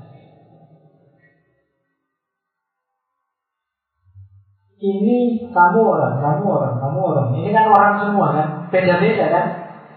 Sama sing jenggotan, sama sing kumisan, ada yang kelontos, ada yang sedang gundul, ada yang gundul. Tak kelas ini beda semua. Tapi tetap tak sebut manusia. Berarti kan ada variabel yang sama. Tidak mungkin semua beda. Kalau beda harusnya beda total. Tapi kan kita tetap menyebut yang sama. Kayak Heraklitus bilang semua mengalir, pantai. Kita tidak bisa meloncat di satu sungai yang sama di waktu yang berbeda. Tapi kan kita tetap sebut itu sungai. Berarti ada variabel yang sama. Sehingga kita menyebutnya tetap sungai. Pasti ada yang lekat. Kamu panggil saya Pak Faiz, besok harusnya kalau konsisten dengan Heraklitos, dengan kaum Sofi, saya berubah harusnya. Sudah beda. Tapi kenapa kok tetap kamu panggil aku Pak Faiz? Karena ada variabel yang tetap dan tidak berubah pasti. Dan itulah yang dikejar oleh Socrates. Mungkin besok aku tua dan keriput dan sudah batuk-batuk tiap hari rambut rontok, gigi rontok, kamu tetap manggil aku Pak Faiz kenapa? Ada variabel yang sama. Mungkin wajahku berubah 100% operasi plastik apa apa, tapi tetap kamu manggil aku ada variabel yang tetap di situ. Dan itu pasti sifatnya tidak fisik. Karena kalau fisik jelas ada perubahan. Nah, karena materi jelas berubah, tapi kan kamu menyebutnya tetap sama. Kuda itu ada yang kuda putih, kuda kuning, ada kuda lumping, ada kuda. Tapi kamu kan tetap menyebutnya kuda. Berarti ada variabel yang sama. Dan variabel yang sama itu pasti di luar materi. Dan itulah nanti variabel yang sama yang di luar materi itulah nanti yang oleh Plato disebut ide. Dan itulah dunia ide. Kenapa aku tadi menyebut ini semua manusia meskipun beda-beda? Karena di kepala kita sudah ada ide tentang manusia. Kenapa kamu sekarang manggil aku Pak Faiz, besok Pak Faiz, sebulan lagi juga Pak Faiz, padahal mungkin secara fisik berubah karena kamu sudah punya ide tentang aku. Dan ide ini sifatnya kayak tadi tahan lama, nggak berubah-berubah. Itulah yang dimaksud dunia ide oleh Plato. Kita lihat. Nah, tidak cuma itu katanya Plato. Nah terus dari mana datangnya ide di kepala kita itu?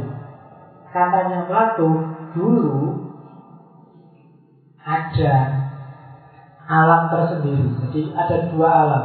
Yang pertama dunia spiritual yang sifatnya abadi, permanen, teratur, universal. Di dalamnya ada banyak nilai, ada banyak hal-hal yang pasti dan sejati dan sempurna. Itu dunia pertama namanya dunia ide. Yang kedua dunia nyata, dunia penampakan.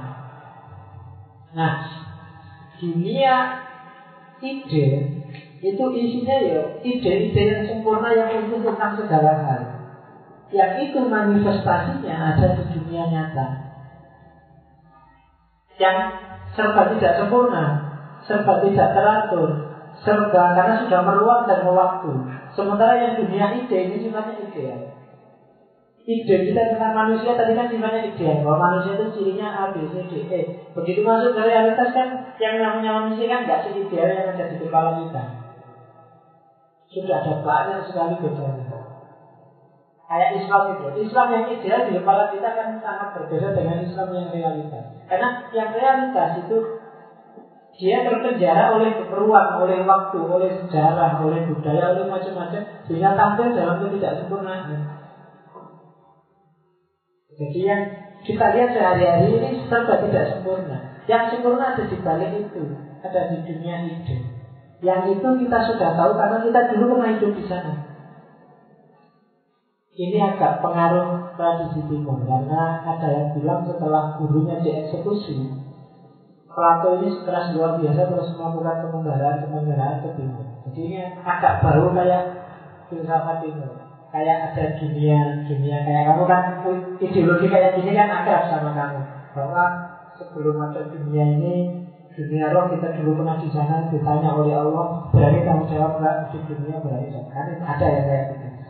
Termasuk kayak tadi wa allama adamal asma jadi sampai ide bahwa kita paham manusia karena ide tentang manusia masih rasional. Tapi agak masuk ke sini baru timurnya kelihatan. Bahwa ada satu dunia ide yang kita akrab dengan dunia ide itu karena kita pernah hidup di sana sebelumnya. Dan ketika kita hidup di dunia ini itu jadi bekal kita untuk memahami dunia.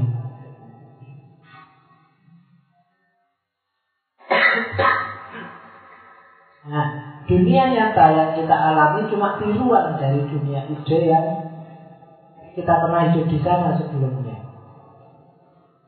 Dan manusia sering tertipu. Dianggapnya yang materi, yang ditemui di dunia nyata, itulah yang benar. Padahal justru yang di dunia nyata ini yang banyak tereduksi. Yang sejati itu justru ide yang ada di kepala. Kalau berangkat dari materi, berangkat dari kamu yang nyata, manusia yang nyata, akan sangat banyak keragaman, akan sangat banyak beda-beda. Untuk menyimpulkan kayak gimana manusia itu harus masuk ke wilayah ideal. Jangan berhenti di kenyataan. Kalau kamu berhenti di kenyataan, kamu akan bingung. Yang namanya manusia beneran itu yang kayak gimana ya? Karena sangat beda-beda. Maka kalau ingin paham manusia, masuklah ke dunia ide biar kamu ngomong, oh ini namanya manusia. Oke. Jadi orang sudah punya ide bawaan. Ya. Kalau bahasa filsafatnya innate ideas. Jadi di kepalamu sudah ada ide. Begitu kamu lahir, ini sudah lengkap. Nah, ketika kamu kemudian melihat, mendengar, meraba, memahami dunia nyata, yang dilakukan bukan refleksi. Jadi kayak apa tapi rekoleksi. Rekoleksi itu mengingat-ingat jadi kalau ada anak kecil tanya ini apa ya? Itu bukan berarti dia tidak tahu ini apa terus harus diberitahu tapi dia sedang ingat-ingat ini apa ya dulu waktu di dunia ide? Itu bahasanya Plato Jadi dia sedang ngecek memori yang ada di kepalanya itu sebenarnya apa ya? Di hidup yang dulu di dunia yang abadi, di dunia yang sejati. Jadi kebenaran itu hanya ada di ide, realitas nyata itu palsu, dan aktivitas berpikir itu aktivitas rekoleksi, mengingatinya. Ini yang paling dikenal. Mitologi gua. Ini dari Plato.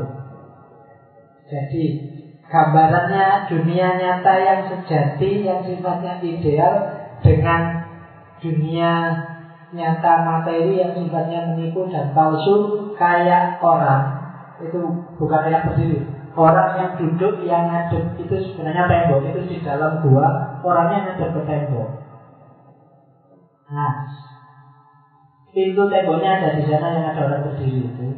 Cahaya akan masuk ke dalam tembok dan orang yang ngadep ke tembok itu setiap hari yang dilihat adalah bayangan-bayangan apa saja yang lewat di depan dia. Kan gitu.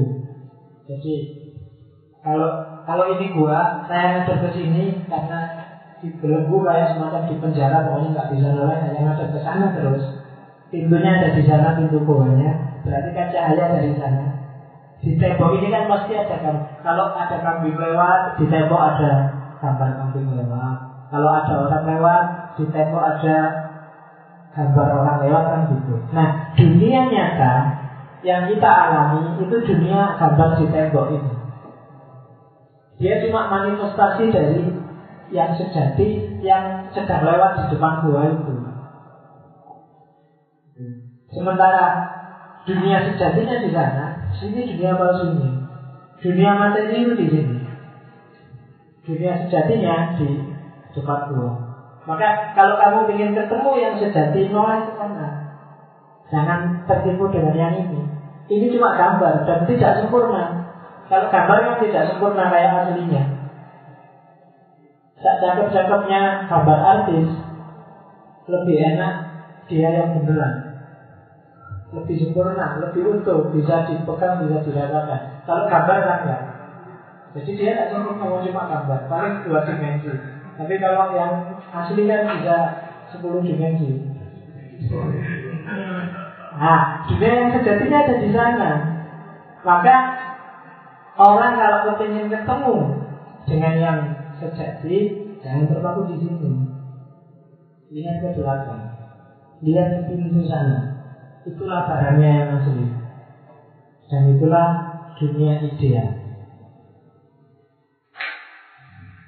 Nanti mitologi ini nanti silakan kamu bawa ke dalam kajian tasawuf Kamu akan banyak ketemu logika yang sama dengan mitologi gua ini Bagaimana dunia itu menipu, bagaimana dunia itu bikin kamu terlena. Mitologi dua ada dalam Republik sebenarnya nanti kelanjutannya untuk menjelaskan tentang pemerintahan, tentang negara. Nanti dalam ceritanya ada seorang yang noleh ke belakang dan belum ya ternyata kita selama ini tertipu. Yang sejati ada di sana.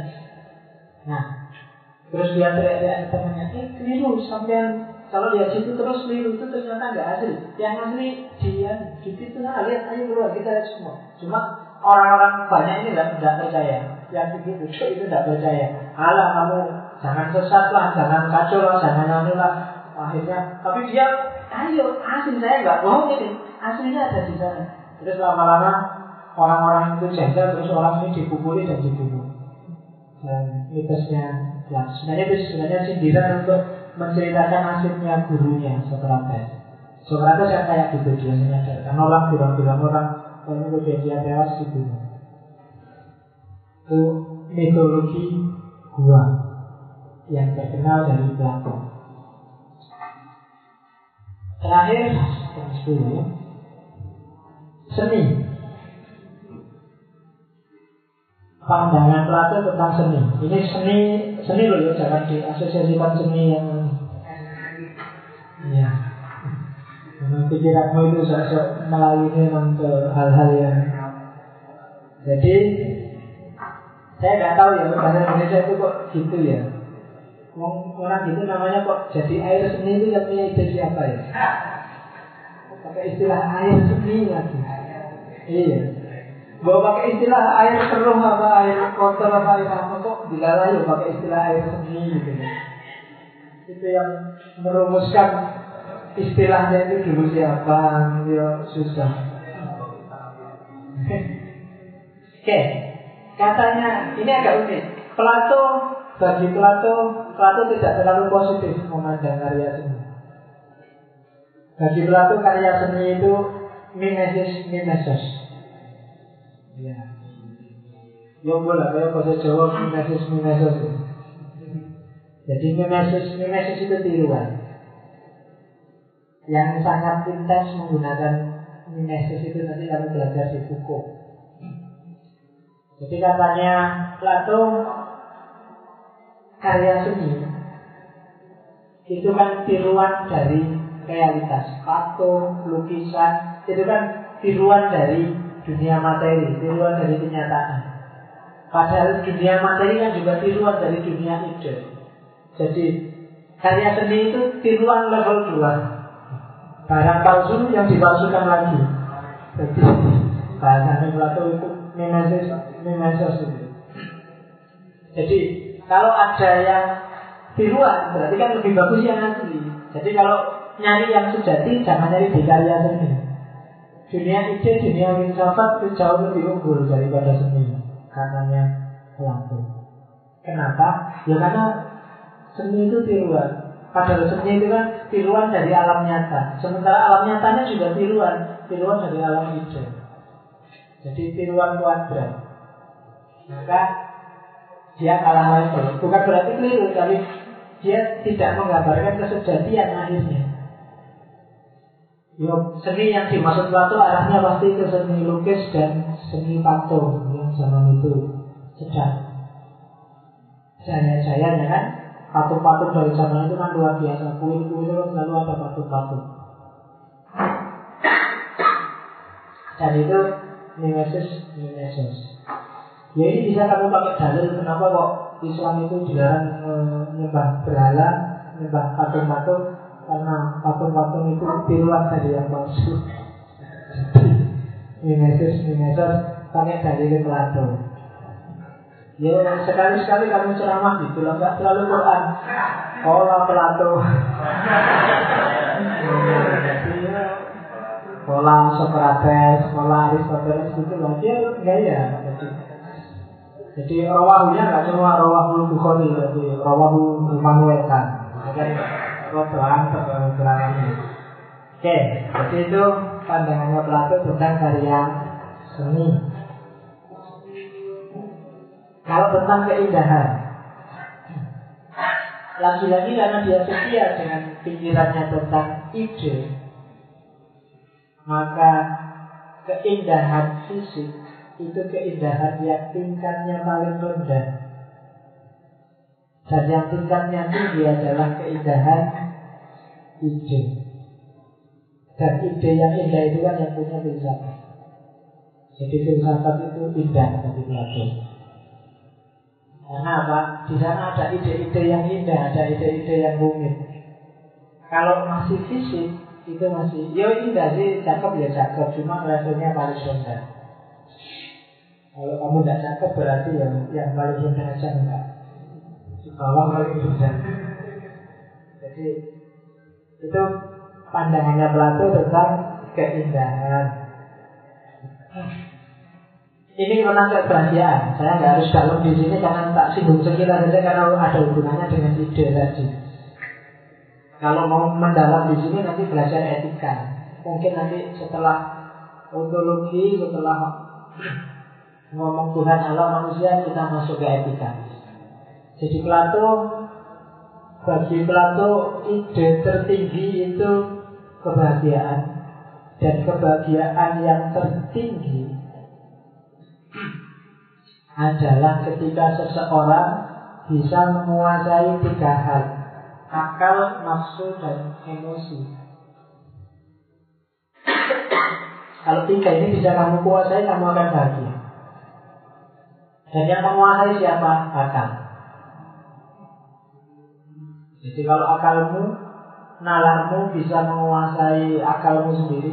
Jadi pikiranmu bisa kamu kontrol, nafsumu juga bisa kamu kontrol, dan rohanimu bisa kamu kontrol, kamu akan bahagia.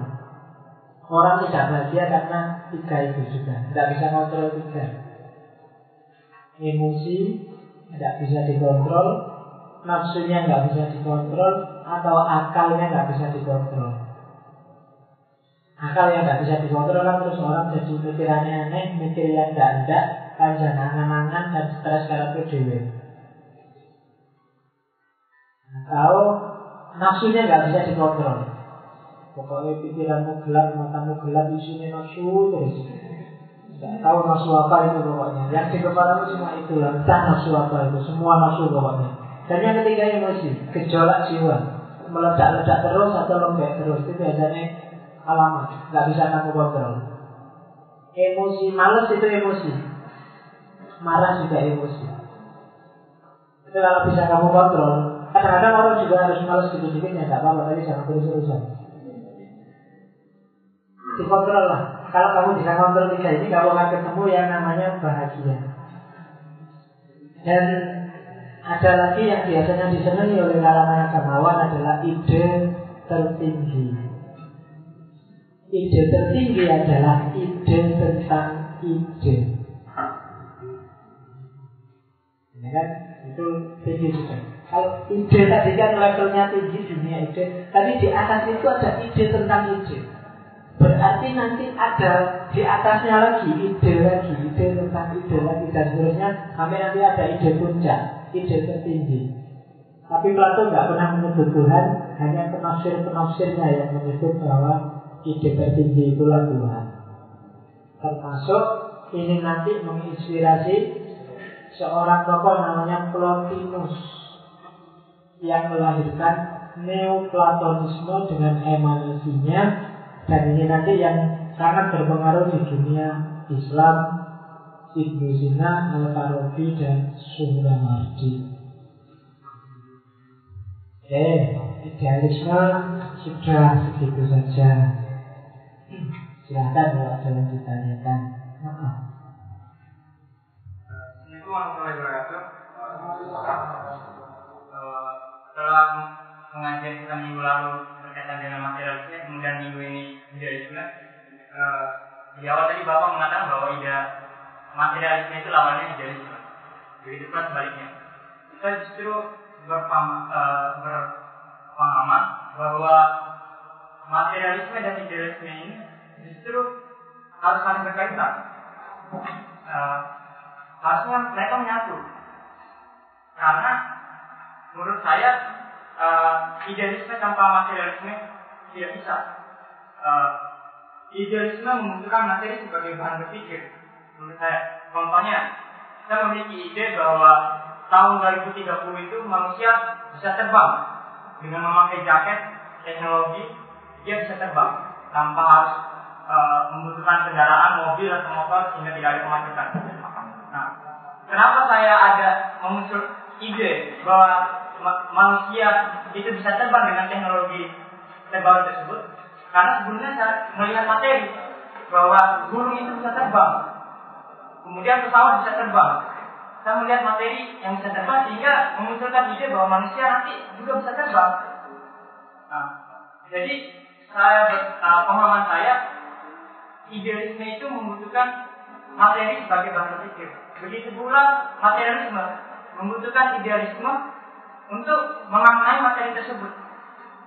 Nah, materi tanpa ide, ide tanpa tadi dikatakan idealisme adalah uh, adanya ruh, jiwa, soul dan sebagainya untuk memaknai materi tersebut. Jadi kalau materi tanpa ide, ya materi ini tidak apa keberadaannya tidak apa namanya ya tidak bisa di tidak bisa dimaknai gitu. Jadi menurut saya harus menyatu materialisme dan idealisme harus menyatu menurut saya pemahaman saya. Ya sudah benar begitu. Kamu salah mengartikan bahasaku lawan tadi ya. Jadi idealisme tidak menafikan materi, cuma dari ide dan materi, ide yang lebih penting, ide yang lebih esensial. Jadi makanya tadi sifatnya deduktif dari ide jawabannya pada realitas. Kalau materialisme bukan berarti nggak ada ide di sana, nggak ada ideal dalam materialisme. Ada, cuma ideal itu diawali dari materi, dirumuskan dari realitas. Dua-duanya tetap saling pakai. Cuma ini, ini kan ngomong titik tekan aja. Yang satu esensinya ada dalam dunia ide, yang satu esensinya ada dalam dunia materi. Ya masih tetap. Kalau nggak itu kan kayak orang diskusi mana yang lebih penting akal atau wahyu. Itu sebenarnya kan titik tekan aja. Ada yang menekankan wahyu dulu dong dalam Quran. Saya bilang Quran dulu dong baru wahyu.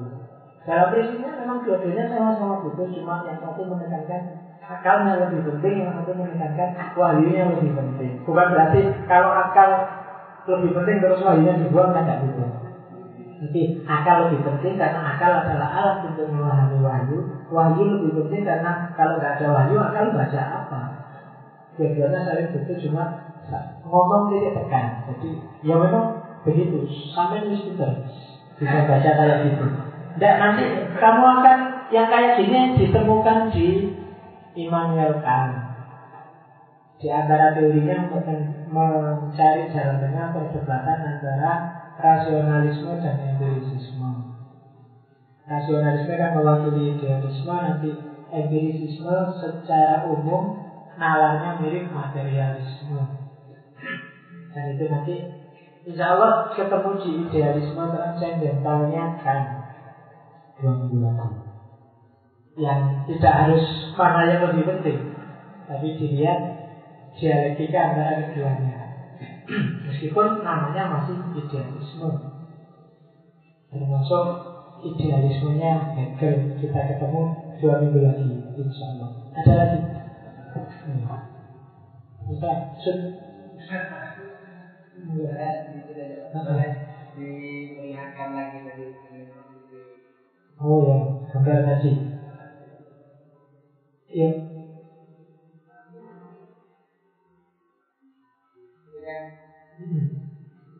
Uh, itu berarti dalam dua itu merupakan gambaran dari dunia. Hmm. Anu, yang dunia ide yang di luar gua. Yang di dalam gua?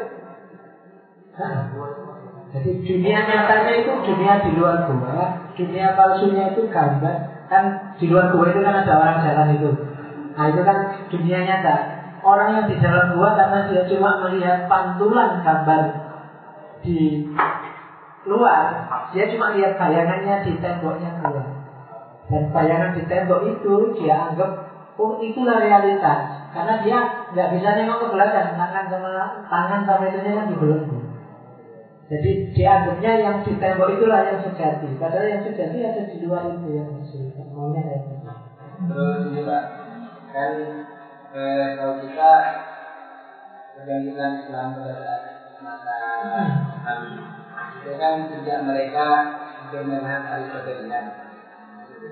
Ada saat bersamaan eh, Barat masih mengalami berhad Platonis dengan Plotinus ini.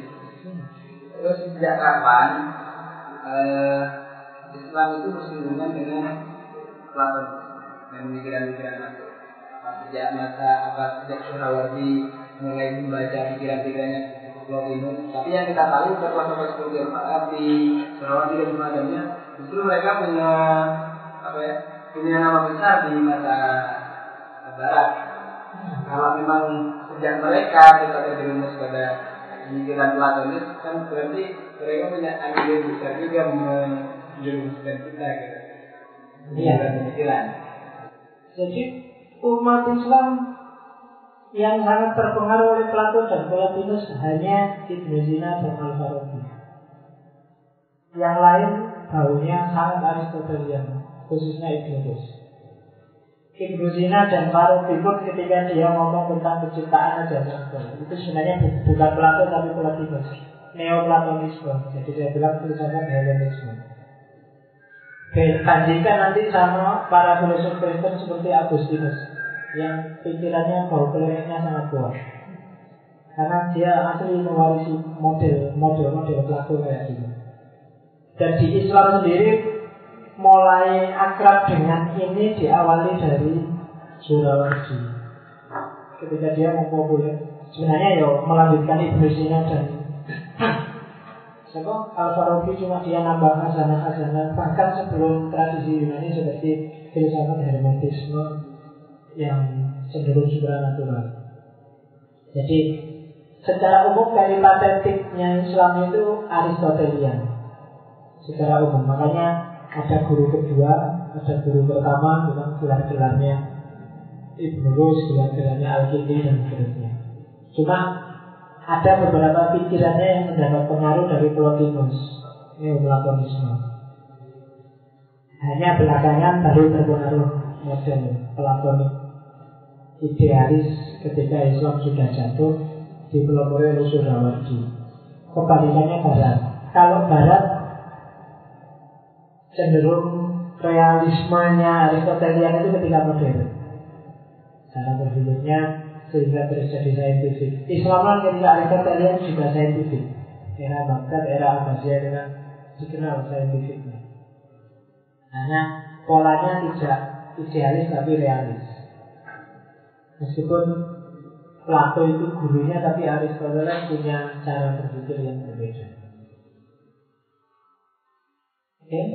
ada lagi itu masih butuh penjelasan tentang idealisme itu sendiri. Nanti kan ceritakan kalau misalnya idealisme itu kan uh, objek itu bermakna ketika manusia itu persepsikannya ada persepsi dulu kemudian ada dunia ide tersendiri di atas kita yang kita harus kembali recollection kembali gitu apakah uh, dunia ide yang recollection itu berarti ada semacam kamus bersama yang kemudian setiap orang itu harus kembali ke kamus bersama dalam satu pandangan ide gitu.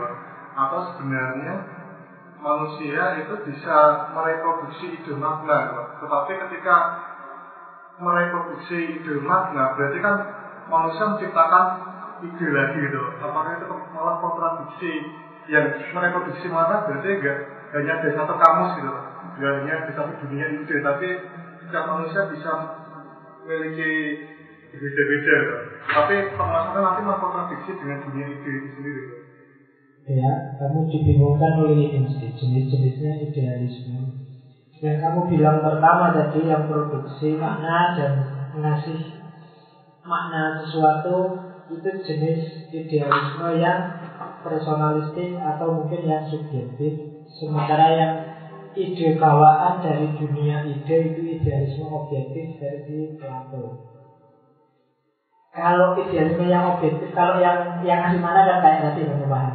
Cuma yang objektif dari Plato ini khas karena agak bau mistiknya kuat bahwa orang sebelum ada dunia ini dia hidup dalam alam sebut saja alam roh, alam ideal yang di situ manusia dibekali ide-ide bawaan untuk cara dia membaca tiruannya dunia ide yaitu dunia nyata.